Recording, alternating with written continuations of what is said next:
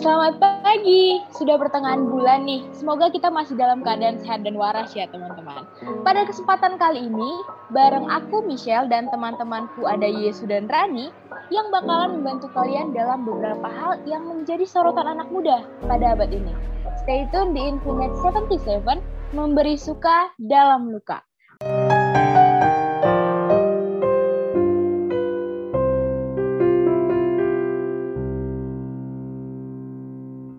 Selamat datang di episode pertama. Nah, kalau kita lihat dari anak muda gitu kan ya, kalau misalnya nggak dari style-stylenya yang terus selalu berubah, itu ada juga satu yang menjadi istilahnya trademark gitu. Itu insecurity gitu. Nah, jadi kita mau bahas permasalahan mengenai insecurity terlebih dahulu.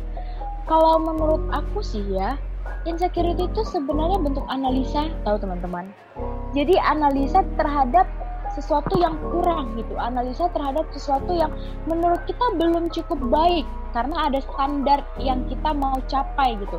Jadi insecurities itu lebih seperti kayak satu cara untuk menganalisa diri gitu. Bagaimana kita menilai diri kita terhadap sesuatu yang kayaknya gue kurang dari bagaimana atau kok ada yang bermasalah sih gitu.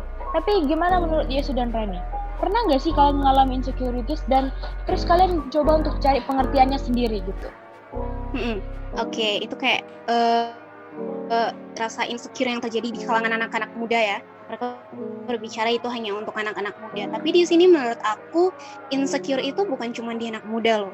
Tapi insecure ini kalau yang dari aku pelajari itu lebih ke ruang lingkup yang lebih besar gitu.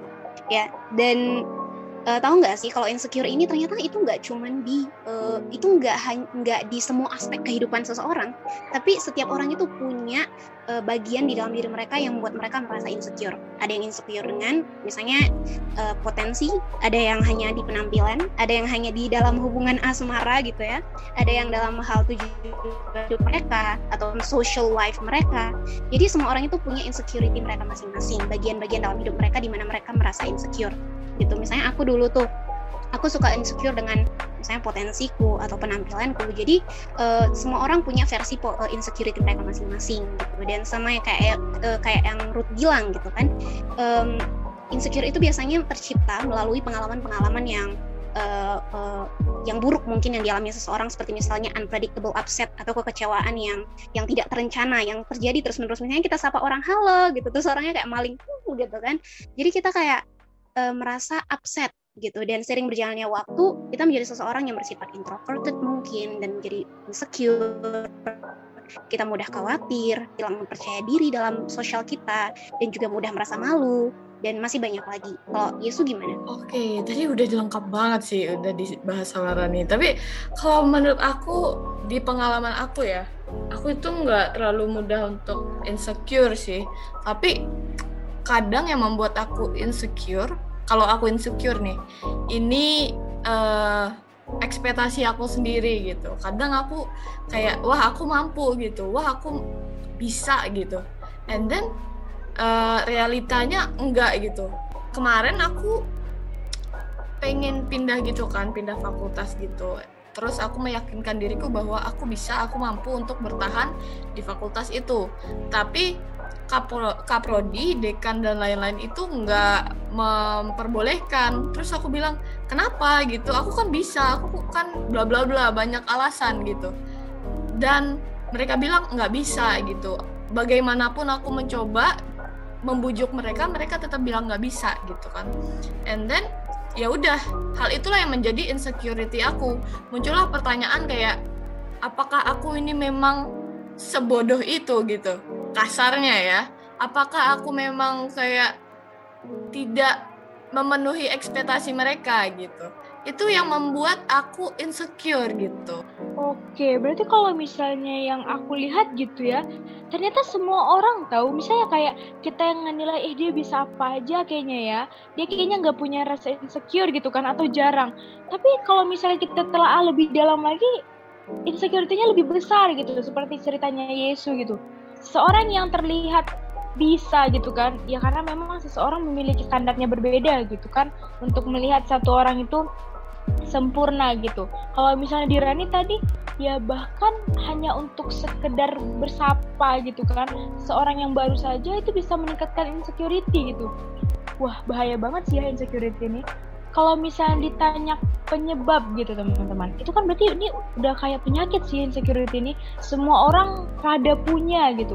Ya walaupun nggak dalam jangka waktu yang lama atau kapasitas yang besar dalam hidup seseorang. Tapi kalau ditanya penyebab itu penyebabnya apa sih? Karena ternyata semua umur gitu loh. Semua umur semua kalangan mengalami insecurity gitu. Kira-kira penyebabnya hmm. apa? Kalau dari aku mungkin ya itu kalau dari pengalaman aku pribadi, aku punya dua penyebab insecurity aku sendiri. Yang pertama adalah parental teaching ataupun didikan dari orang tua aku gitu kan. Mungkin kita ber, eh, berdua mungkin bertiga punya pengalaman yang sama dalam hal menciptakan insecurity dalam diri kita. Terus yang kedua adalah uh, kita hidup dalam era 4.0 gitu. Jadi yang pertama untuk parental teaching sendiri dari kecil itu mungkin aku pernah mendengar kata-kata yang bilang kayak e, kamu tuh eh, nggak uh, bisa diandelin banget sih gitu. Jadi sering berjalannya waktu jika hal itu terus terjadi aku jadi percaya there's something wrong in me gitu. Ada yang salah dengan diriku dan aku jadi berfokus kepada kekuranganku gitu. Uh, tapi masalahnya adalah anak-anak uh, muda memang perlu untuk tahu kekurangan mereka supaya mereka nggak perlu merasa insecure loh. Mereka harus tahu kekurangan mereka. Jadi di sisi lain, aku juga dulu sering dikasih pujian yang terlalu berlebihan. Dan parental teaching yang seperti itu ternyata toksik sekali. Jadi kalau kita menerima terlalu banyak pujian, justru itu akan benar-benar menjatuhkan mental kita dan anak-anak semakin mudah merasa insecure karena mereka merasa kayak, wah oh, ternyata aku nggak sehebat itu ya, gitu. Jadi anak-anak muda harus menerima kekurangan mereka dan juga perlu tahu kelebihan mereka. Jadi harus seimbang. Terus yang kedua, tahu lah teman-teman kita hidup dalam era 4.0 gitu kan. Kita menjadi generasi yang narsistik. Jadi kita bahagia ketika kita punya respon yang sesuai ekspektasi kita dari uh, uh, social media dari teknologi gitu kan. Nah, jadi ketika kita tidak mencapai standar kesempurnaan yang kita ciptakan sendiri, itu membuat kita semakin merasa insecure. Karena kita merasa aku juga nggak sehebat itu ya gitu. Jadi perkataan-perkataan aku nggak sehebat itu terus mendominasi pikiran kita sehingga kita terlalu berfokus kepada kekurangan kita daripada potensi kita. Benar banget nih apa yang dibilang Rani gitu. Yang pertama sosial media. Sosial media ini menurut aku apalagi di masa pandemi ini kan ambil andih sangat besar dalam insecurity dan anxiety masa muda zaman sekarang gitu. Kenapa? Karena di sosial media sekarang ini kita uh, luangkan waktu banyak untuk sosial media gitu. Kadang kita uh, bosan gitu ya kan. Ya kita ke sosial media lah, udah bosan dengan hal-hal di rumah gitu. Nah, karena kita melihat banyak hal, kita melihat sesuatu yang bagus-bagus gitu ya itu menaikkan ekspektasi kita gitu terhadap diri kita walaupun kita ini uh, tidak seperti ekspektasi itu gitu ya kan. And then ekspektasi itu membuat insecurity insecurity kita meningkat gitu. Terus yang kedua kata Rani tadi itu tentang uh, cara parenting orang tua kita gitu. Mereka memberi terlalu banyak pujian untuk anaknya.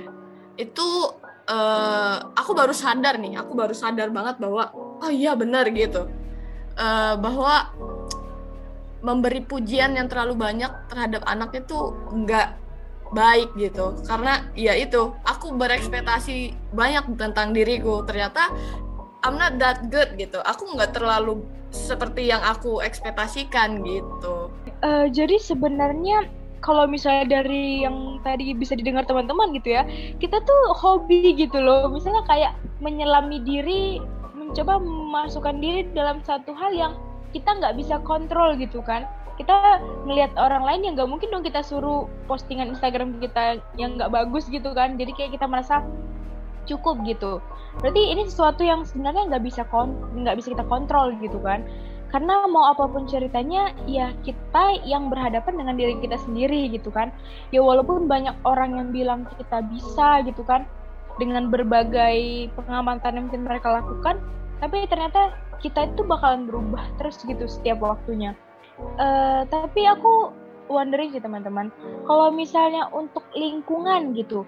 Nah soalnya dari tadi kita kayak terjebak gitu kan di masa pandemi ini. Kita terjebak di satu lingkungan aja gitu.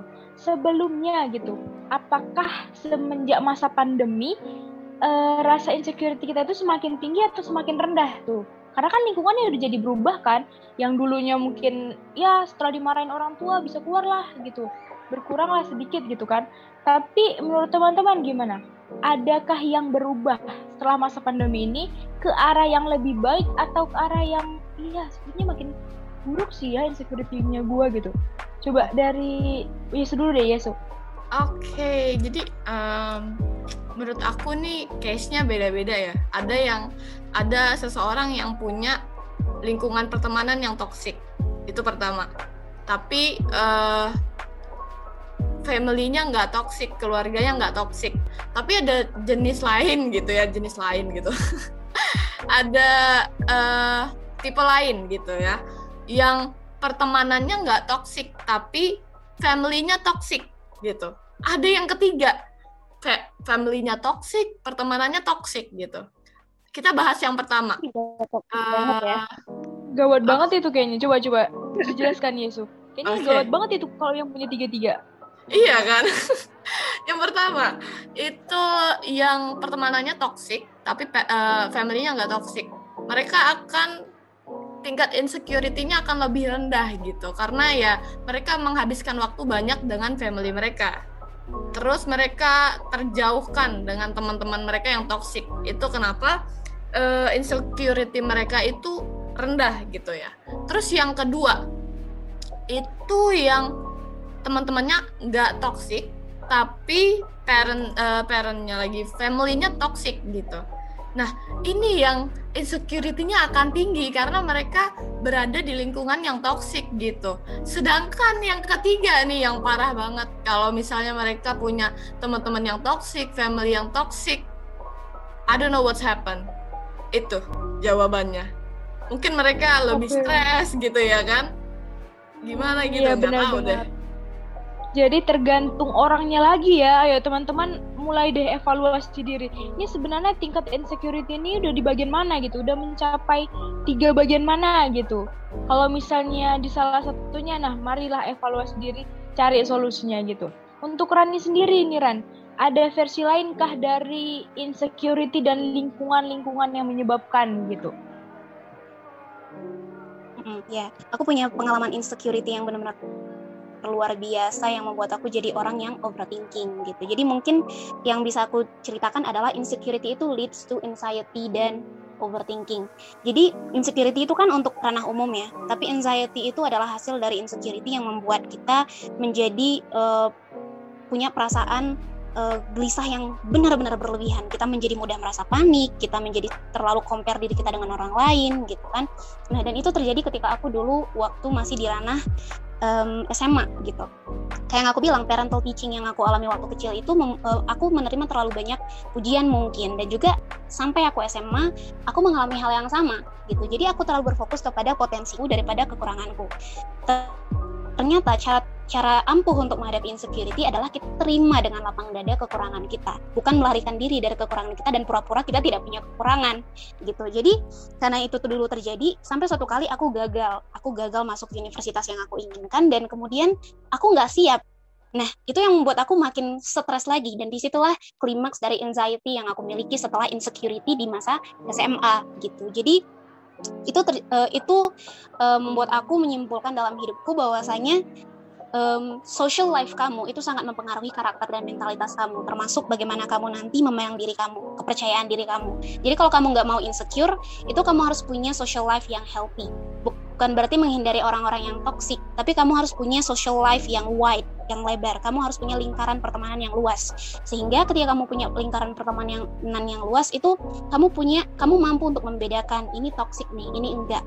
Jadi mungkin yang bisa aku simpulin nih Ruth sama Yesu lingkungan sosial kamu termasuk di sekolah itu sangat mempengaruhi bagaimana kamu memandang diri kamu sendiri. Jadi make sure kamu lihat pertemanan uh, pertemanan kamu itu membawa dampak apa ke diri kamu sendiri. Kalau dia bersifat toksik, kamu harus jaga-jaga dengan respon kamu terhadap pertemanan kamu gitu. Jangan sampai uh, kamu terlalu bangga dipuji uh, atau kamu terlalu merasa rendah diri ketika di, di uh, dijatuhkan. Kamu harus lihat dulu dia toksik nggak. Kalau dia toksik, kamu nggak perlu percaya apa yang dia bilang gitu. Itu ya. Kalau menurut aku anxiety dan insecurity pertama ya pertama pertama banget nih kita lurusin dulu insecurity will lead you into anxiety. Bener kan? Bener banget. Bener banget. Alright. Jadi kayak aku mau kasih satu statement yang lumayan gimana gitu ya. Aku mau bilang gini, anxiety dan insecurity itu tidak bisa dielakkan. Insecurity dan anxiety adalah hal yang normal gitu. Jadi uh, ketika kita mengalami dua hal itu, yang bisa kita lakukan adalah berefleksi jangan terlalu jatuh di dalamnya, jangan malah kita enjoying, gimana ya? Kita terlalu menyelam ke dalamnya gitu. Menurut aku, insecurity dan anxiety itu adalah dua hal yang kita perlukan untuk salah satunya, salah satunya yang kita perlukan untuk self development. Kalau menurut aku sendiri ya, dari uh, pengalaman aku sendiri, insecurity dan anxiety itu membuat aku mengembangkan diriku, menutupi hal yang kurang gitu. Kayak yang Rani bilang, kita itu perlu menyadari kekurangan kita sehingga kita bisa memperbaikinya gitu sih. Hmm, kalau mungkin bisa dibilang insecurity itu normal, tapi jika itu membawa dampak negatif buat hidup kita itu yang nggak normal gitu ya Yes ya. Iya bener banget, bener banget. Jadi teman-teman nih pembicaraan kita tadi udah kayak panas-panasnya gitu kan. Sekarang udah menemukan titik terang gitu. Sudah mulai mendingin gitu kan. Dari yang e, kak aku insecurities nih gini kan penyebabnya ini ini ini nih gitu kan. Terus udah dibantu jelasin gitu kan, sudah ditenangin gitu. Kalau insecurities itu hal yang wajar gitu berdasarkan pengalaman juga yang mungkin beberapa dari kalian juga pernah merasa gitu. Semoga dari podcast ini membantu kalian yang sedang merasa insecurity gitu, diserang dari uh, diserang juga dari beberapa self attack gitu kan. Nah, semoga dari anxiety ataupun insecurity yang sudah kita bahas bisa disimpulkan gitu. Teman-teman kalau misalnya anxiety dan insecurity itu hal yang wajar gitu hal yang menjadi satu batu loncatan kalau misalnya kita bisa mengendalikan dan menguasainya dengan benar sebagai satu self developmentnya kita. Tergantung dari lingkungan-lingkungan yang kita pilih orang-orang yang berada di sekitar kita dan bagaimana kita memiliki perisai dalam diri sendiri. Gitu. Nah untuk uh, Yesus Samaran ini yang sudah berbicara banyak mengenai insecurity, ada pesan nggak untuk orang-orang yang ternyata punya posisi yang sama gitu, punya uh, pengalaman yang sama dengan insecurity-nya mereka, ada yang mau disampaikan nggak? Iya, iya, iya. Mungkin satu hal yang mau aku bilang adalah uh, kamu mungkin melihat orang lain lebih dari kamu, tapi kamu harus sadar bahwasanya dia juga punya kekurangan dan kamu juga punya kekurangan gitu. Jadi mungkin yang perlu aku bilang adalah, oke okay, kamu perlu uh, tahu kelebihan kamu, tapi kamu juga perlu kenali kekurangan kamu sehingga dengan begitu kamu belajar menerima kekurangan kamu dan belajar mengembangkan potensi diri. Jadi ketika orang lain bilang kekurangan kamu, kekurangan kamu ini loh. Kamu bilang ke diri kamu sendiri, ya aku tahu ini kekurangan aku gitu, tapi kamu juga punya kekurangan. So uh, dengan begitu kamu nggak perlu merasa insecure. Dan juga jangan lupa untuk masuk ke dalam wide circle friendship gitu. Masuk ke dalam lingkungan pertemanan yang cukup luas supaya kamu bisa uh, punya banyak perspektif mengenai um, dampak uh, mengenai menilai orang lain gitu. Sehingga ketika mereka merendahkan kamu kamu itu punya perspektif yang cukup luas untuk meresponi mereka dengan baik gitu. Oke, itu dari uh, Rani nih teman-teman. Jadi tadi ada beberapa yang mungkin, oh kayaknya uh, Kak Rani atau Rani ini aktif banget gitu ya. Nah bisa disimak tuh tips-tipsnya gitu. Kalau dari Yesus sendiri, gimana nih Yesus? Untuk insecurity sendiri, apa yang mau dikatakan gitu? Oke, kalau dari aku sendiri ya, yang pertama kayak tadi aku bilang sadari bahwa insecurity dan anxiety itu wajar dialami gitu. Jadikan insecurity dan anxiety itu sebagai pemicu untuk kita mengembangkan diri kita gitu. Terus yang selanjutnya, don't expect too much to yourself. Jangan berekspektasi banyak, apalagi terlalu banyak terhadap diri kita. Berekspektasi itu penting, tapi jangan terlalu banyak. Itu sih kalau dari aku. Oke, udah itu ya. Tadi mungkin teman-teman yang uh, versinya Kak Yesu gitu kan atau versinya Yesu gitu kan, itu bisa disimak. Nah, kalau dari aku sendiri gitu kan, aku lebih kayak jangan lupa self love teman-teman gitu. Jadi kalau kita udah mencintai diri kita, ya kalau ibaratnya suka sama satu buku gitu kan, mau gimana pun bentuknya ya nak tetap suka gitu tapi tetap harus diperbaiki pokoknya kurang gitu kan nah self love itu penting gitu dan dibarengi dengan beberapa orang yang akan mendukung kita dalam lingkungan yang seperti itu sekian hari ini pembicaraan kita mengenai insecurities, gonjang-ganjing mengenai insecurities itu sudah selesai. Bagi teman-teman yang mungkin request dong kak, entah mau bahas mengenai relationship gitu kan, atau bagaimana mengatasi rasa enggan atau rasa mager yang mungkin di, di pandemi ini kayaknya makin uh, tinggi gitu kan ya, bisa di request di Google Form yang akan kami sediakan nanti. Jadi untuk teman-teman, stay tune di Infinite 77 memberi suka dalam luka. Sampai ketemu di episode selanjutnya. Bye. Bye.